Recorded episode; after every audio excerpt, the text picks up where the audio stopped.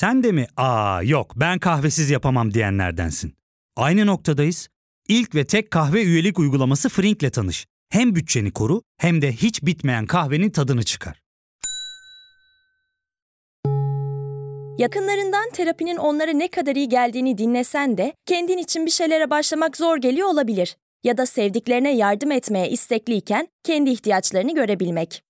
Hayvel, uzman psikologlarıyla kendi ihtiyaçlarını bulmanda sana destek olacak. Terapi yolculuğuna başlamak için detaylı bilgi bölümün açıklamalarında.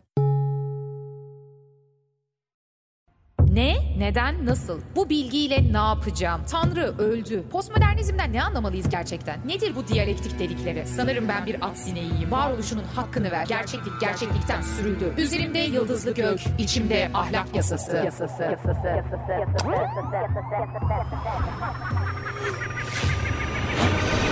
Dünyaya fırlatıldık.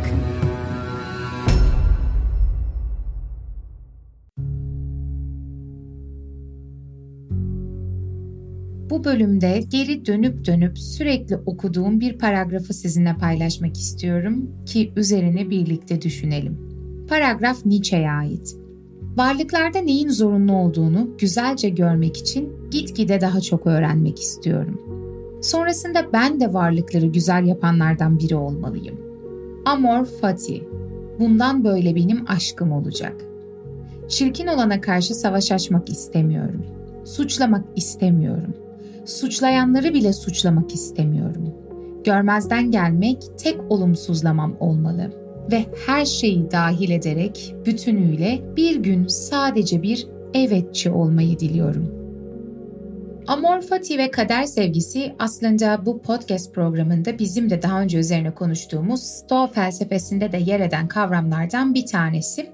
Stoa felsefesiyle birlikte düşünmek ya da stoacılıktan edinebileceğimiz dersler listesinde de yazgıyı saymak, yazgıyı kabullenmekten söz etmiştim.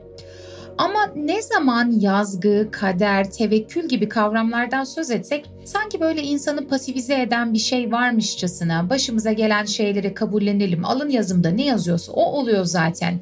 Benim eylemlerimle bir şeyi değiştirmeme imkan yokmuş gibi bir algı yorumlama biçimiyle karşılaşıyorum. Aslına bakarsanız bu yorumlama biçimi ne Stoacılığa tam olarak uygun ne de Nietzsche'ye.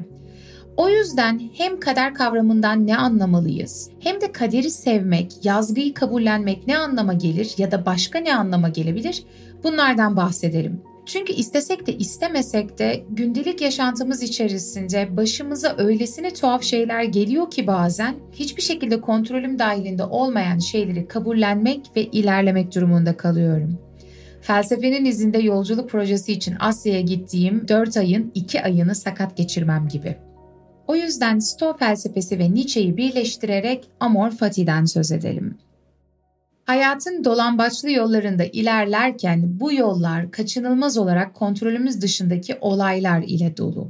Bu Stoacıların kontrol dikotomisi dediği şeye tekabül eder değil mi? Kontrol ikilemi gücümüz dahilinde olana odaklanmalı demişti Epiktetos. Yani bir gücüm dahilinde olan şeyler var.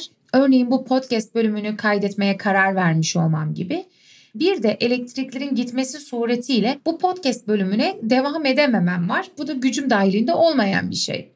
O yüzden Epiktetos ve genel olarak Stoacılar bize yaşam bilgeliğinin en önemli kısmının neyin gücüm dahilinde olduğu, neyin gücüm dahilinde olmadığının farkındalığı olduğunu söylemiştim. Çünkü elektriklerin kesilip kesilmemesi konusunda kaygılanıyor olmak, böyle bir endişe taşıyor olmak ya da kesildikten sonra şikayet ederek bağırmak hiçbir işe yaramayacak. Bu durumda yapılacak şey mevcut durumun bana getirdiklerinden sonra bir B planı yapmak. Çünkü şikayet etmek bir strateji değil.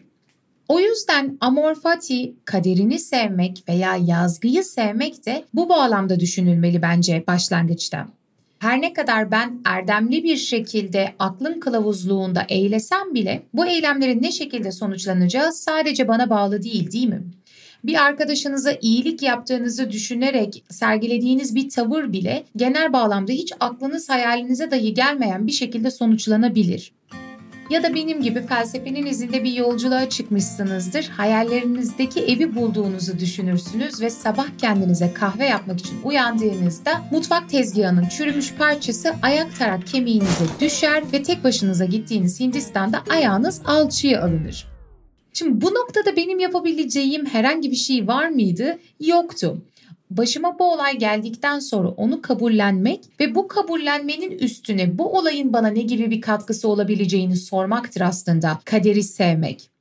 Hayatımda değiştirebildiğim ve değiştiremediğim şeyleri ayırt ettikten sonra başıma gelen değiştiremeyeceğim şey her neyse ona bakış açımı değiştirmek anlamına gelir. Yanılmıyorsam Borges'e ait bir söz var. Çöle yeniden baktım ve çöl değişti demiştim. Çölde olabilirim, çölde mahsur kalmış olabilirim ama çöle yeniden bakarak çölün benim için anlamını değiştirebilirim. Stoacılıktaki bu fikir sonrasında Nietzsche'ye ve Nietzsche'den de varoluşçu felsefeye ilham veriyor aslında. Muhakkak okuyanlarınız vardır. Viktor Frank isimli bir psikoterapistin İnsanın Anlam Arayışı adlı bir kitabı var. Viktor Frank 2. Dünya Savaşı sırasında toplama kamplarında kalan Yahudi bir terapist ve insanın başına gelebilecek en dehşet verici durumlardan bir tanesi muhtemelen o toplama kampında olmaktı. Ama Frank şunu fark ediyor. Böylesine dehşet verici bir olay bile kişilerin hayatı kavrayışında ya da hayatı anlamlandırmasında bambaşka etkiler yaratabilir ki kendisi de bu deneyimin yarattığı aydınlanma sonucunda varoluşçu psikoterapinin en önemli temsilcilerinden biri haline gelir ve logoterapi ekolünü kurar. Çünkü Frank'ın fark ettiği şey şu, başımıza gelen şeyleri kontrol edemesek de başımıza gelen olaylara ilişkin bakış açımızı değiştirebiliriz. Ve bu öylesine bir durum ki Albert Camus'un Sisyphos söyleninde bize anlatmaya çalıştığı o lanetlenmiş Sisyphos örneğinde de olduğu gibi her ne kadar Sisyphos o elindeki kayayı dağın en üstüne her gün itmek zorunda olsa da o kayayı iterken ne şekilde hissedeceği ya da bu kayayı itme eylemini ne şekilde anlamlandıracağı konusunda Sisyphos özgürdür. Amor Fati'nin anlamını tam da buralarda aramak gerektiğini düşünüyorum başıma gelen şeyleri olumlama konusunda gayret göstermek. Bu yüzden Nietzsche insanlığın iyiliği için bulduğum formüldür amor fatih der. İyi, mutlu ya da hoşnut bir yaşam sürmenin anahtarı gibi görür. Bu noktada bölümü ufak bir ara verelim, sonrasında kaldığımız yerden devam edelim. Ya fark ettin mi? Biz en çok kahveye para harcıyoruz. Yok abi, bundan sonra günde bir. Aa, sen Frink kullanmıyor musun? Nasıl yani? Yani kahvenden kısmına gerek yok. Frink'e üye olursan aylık sadece 1200 TL'ye istediğin çeşit kahveyi istediğin kadar içebilirsin. Günlük 40 TL'ye sınırsız kahve mi yani? Çok iyiymiş. Aynen. Hatta şu anda 200 TL'lik bir indirim kodu da var. E hadi hemen indirip üye ol da bu fırsatı kaçırma. Terapiye başlamak, içinden çıkamadığın döngüleri kırmak, bazı yanlış bulduğun kararlarını değiştirmek ve kendinle beraber daha huzurlu bir yaşam inşa etmek için atabileceğin en değerli adımlardan biri. Hayvel ile yoğun yaşam tempona uyum sağlayarak online terapi seanslarını takvimine göre ayarlayabilirsin. Bini aşkın uzmandan sana en uygun terapisti seçebilir, podb10 koduyla indirimden yararlanabilirsin. Detaylı bilgi açıklamalardaki bağlantıda.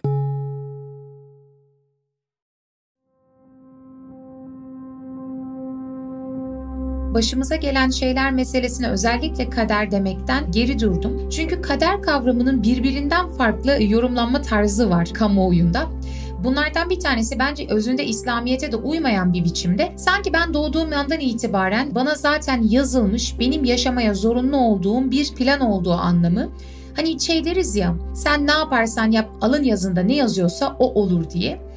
Bu yorum İslamiyet'e dahi uygun değil dedim. Çünkü eğer başlangıçta Tanrı tarafından benim için yazılmış böylesi bir alın yazısını yaşamak zorunda olan sözüm ona bir kukla olsaydım aslında Tanrı'nın beni herhangi bir şekilde sınamasına imkan olmazdı ve özgür irade teistik bir dini sistemin varlığı için zorunlu gözükür. Yani benim irademle eylemlerde bulunabiliyor olmam, bu eylemlerin bazı sonuçlar doğurabiliyor olması semavi dinleri mümkün kılan şeydir zaten. Eğer ki ben irademle eylemlerde bulunamıyor olsaydım veya bu eylemlerim herhangi bir şekilde bir nedensellik silsilesiyle başka sonuçlar doğurmuyor olsaydı az önce de söylediğim gibi Tanrı'nın herhangi bir şekilde beni sınamasına imkan kalmazdı. Çünkü aksi takdirde zaten sonucu belli olan bir oyunu oynamamın hiçbir anlamı kalmazdı. O yüzden buradaki kader kavramını zorunluluk kavramı ile birlikte anlamayı öneriyorum. Hatta bana kalsa amor fati nasıl Türkçe'ye çevrilirdi deseydiniz zorunlu olanı olumlama becerisi derdim. Buradaki zorunlulukla kastettiğim şey aslında nedensellik. Yani bugün benim başıma gelen şeylerden bir tanesi işte o mutfak tezgahının çürümüş parçasının ayağımın üzerine düşmesi ise eğer bu ben daha doğmadan önce alın yazımda yazdığı için olmadı değil mi? O parçanın çürümüş olması, sıkı olmaması, kimsenin bununla ilgilenmemiş olması ki çürümesinin de kimyasal sebepleri var. Her defasında arkasına doğru gittiğimizde bambaşka bir nedensellik silsilesiyle karşılaşıyoruz. Ve doğal olarak ondan önce gelen nedenler o anki durumu zorunlulukla belirliyorlar. Başımıza gelen şeyler rastgele, kazara, öylesi bir keyfiyetle olmuyorlar. Benim başıma neden bunlar geldi diye yakarıyoruz ya sürekli.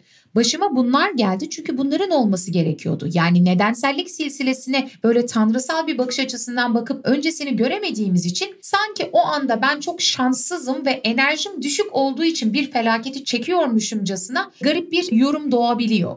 Oysa başıma bu geldi çünkü geriye dönüp baktığımızda olma olasılığı en yüksek olan ihtimal buydu.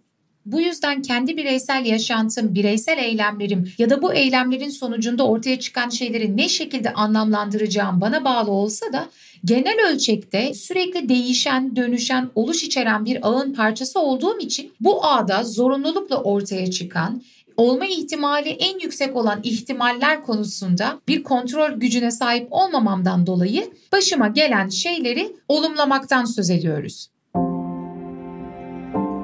Bu kısımda geçenlerde izlediğim bir filmi de paylaşmak istiyorum. Çünkü orada birkaç satır vardı ve Amor Fati'ye oldukça uygundu bence. Filmin ismi The House.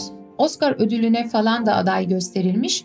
Filmde farklı zamanlarda yaşayan farklı kadınlar görüyoruz ama sürekli böyle bir geriye bir ileriye giderek aslında bu farklı zamanlarda yaşayan farklı kadınların hikayelerinde ortak bir desen beliriyor. Ve bu kadınlardan bir tanesi Virginia Woolf. Filmin son sahnesi Virginia Woolf'un artık intihar ettiği sahnede şöyle bir dize vardı. Sanırım onun kendi metinlerine dayanıyor. Hayatın yüzüne cesaretle bakmak, ne için olduğunu bilmek ve olduğu haliyle sevmek. Bu tam olarak amor fati bence. Onun yüzüne her ne olursa olsun cesaretle bakmak ve olduğu haliyle sevmek. Yani kader dediğim zorunlulukla başıma gelen şeyleri görmek, onların neden olduğunu bilmek, çünkü arkasında bir nedensellik dizisi olduğunu, hiçbir şeyin öylesini olmadığını bilmek, oradaki zorunluluğu görmek ve olduğu haliyle sevmek. Olduğu haliyle sevmek her zaman kolay olmayacak ama zaten Amor Fati'nin gerektirdiği bilgelik de tam da bu devrede kendini gösteriyor. Bazen durum öylesine kötü gözüktüğünde bile büyük bir çaba, büyük bir gayretle onu da kabullenme, onu da olumlama, onu da evetleme becerisini göstermek. Yani Nietzsche'nin üst insan dediği, en yüce insan dediği mertebeye ulaşmanın imkanını sağlayan şey zaten bu. Çünkü işler iyi gittiğinde hayatı olumlamak herkes için kolay. Hani Marcus Aurelius şey der ya, başına hiçbir felaket gelmemiş insana acırım çünkü kendi erdemlerini sınama fırsatına hiç sahip olmamıştır diye. İşler yolunda giderken yaşamı olumlamak herkes için kolay. Asıl bilgelik her şey sarpa sardığında, başımıza sürekli felaketler geldiğinde bile yine hoşnutlukla bunun da olma ihtimali olan bir şey olduğunu, olma olasılığı olduğu için olduğunu ve bunun başıma gelmesinin arkasında da belirli nedenler, gerekçeler olduğunu kabullenmek aslında. Biraz doğu felsefesine de sıçrayabilirim. Hiçbirimiz evrendeki o kozmik düzende, o büyük süreç, olayda, olay diyelim buna, o kadar önemli değiliz. Elbette bu olayın bir parçasıyız ve bu milyonlarca düğüm noktasından oluşan ağda küçük bir noktada biziz ama genel ölçekte baktığımızda benim başıma gelen felaketler o kadar da önemli gözükmüyor değil mi? Hiçbirimiz o kadar önemli değiliz veya her şey bizimle ilgili değil. Başımıza gelenleri ne şekilde algıladığımızı değiştirmek konusundaki bir öneri aslında bu. Ben bu durumda yapmam gerekenleri yaptım mı? Ya da bu felaket bana büyümem için, kişisel gelişimim için ne gibi imkanlar sağlar? Ben bu durumdan ne gibi dersler çıkartabilirim? Ya da bu felaket benim için daha olumlu olabilecek bir sonuca yönlendirebilir mi benim? Mesela çok büyük bir kayıp yaşamışsınızdır belki ama sevdiklerini kaybettikten sonra onlar için vakıflar kuran, muazzam derecede büyük sosyal girişimler kuran ve o sosyal girişimlerle binlerce insana yardımcı olarak onların hayatlarını değiştiren insanlar var. Elbette sosyal girişimleri kurmak için birilerini kaybetmemiz gerekmiyor. Ya da bu insanlara da bu sosyal girişimin olması mı sana daha iyi hissettirirdi? Yoksa sevdiğin kişiyi kaybetmemek gibi bir soru sormak aptalca olur. Bahsettiğimiz şey bu değil. Bu denli büyük bir kayıp yaşadıktan sonra bile benim elimden gelen nedir diye sorarak onu olumlu etkiler yaratabilecek başka bir şeye çevirebilme becerisine yücelttiğini görüyoruz Nietzsche'nin. Bunun inanılmaz eğimser geldiğini, her durumda, her koşulda yapılmasının mümkün olmadığını söyleyenleriniz olacaktır. Kesinlikle katılıyorum ama burada şunu düşünmenizi istiyorum. Gerçekten her şey zorunlulukla ortaya çıkıyorsa ve başıma bazı felaketler geldiğinde o konuda benim yapabileceğim herhangi bir şey yok ise o olayı kabullenmekten, olumlamaktan ve olumlu bir sonuca dönüştürmekten daha iyi bir seçeneğimiz var mı gerçekten? Çünkü olumsuzlukla bakmak, kötümser bir psikolojide kalmak veya lanetlemek geçmişi değiştirmeyecek ama iyimser bir tavırla, amor ile olanı evetleyerek onda olumlu olanı görme gayretini göstermek en azından gelecekte nasıl yaşayacağımız konusunda etki edebilir. Ki bu fikir Nietzsche'den sonra Albert Camus gibi düşünürlere de ilham verir. O da şöyle der Sisyphos söyleninde, bu nedenle bu dünyada en çok saygı duyduğum erdem olan hayattan hiçbir şeyi reddetmeden yaşama isteği var. Hiçbir şeyi reddetmeden yaşama isteği. Ölümü de, yıkımı da, sakatlığı da, hastalığı da, kayıpları da çünkü bu saymış olduğum bütün felaket silsilesi de aslında yaşama dair değil mi? Yaşama içkin. Çok sevdiğim şairlerden bir tanesi Arthur Rimbaud'un bir sözü var hayatın her duruma hakkı vardır diye. Hayatın felaketlere, kazalara, ölüme, kayıplara da hakkı var. Yani burada yaptığımız şey yaşamın sadece güzel olan kısmını kabul etmek değil, genel bir konsept olarak, genel bir olay, bir süreç olarak yaşamın tamamını olumlamak, yaşamı yaşam olduğu için kabul etmek ve yaşamı yaşam olduğu için onda güzel olanı bulma becerisini göstermek. Sonrasında zaten Gilles Deleuze'ün de Anlamın Mantığı adlı eserinde de benzer bir şey görüyoruz. Amor Fati'nin sonrasında postmodern felsefeye kadar sıçradığı yerlerden bir tanesi. Deleuze de şöyle söyler, olayı istemek, olanı evetlemek, yaşamı onaylamak da bahsettiğimiz tekil olayları evetlemekten ziyade yaşamı bütün yüzleriyle birlikte benimsemek ve ne olursa olsun, ne getirirse getirsin tüm bu deneyimlere evet demek anlamına gelir. Çünkü zaten başka bir çaremiz yok. Amor fati konusunda neler düşünürsünüz bilmiyorum. Yaşam üzerine meditasyonlar serisinin bir bölümü olarak da görülebilir ya da yaşam bilgeliği konusunda filozoflardan edinebileceğimiz derslerden bir tanesi sanırım. Umarım gündelik yaşamlarınızda içselleştirmeyi en azından denemek istersiniz. Gelecek bölümde görüşene dek meraklı kalın, hoşnut kalın.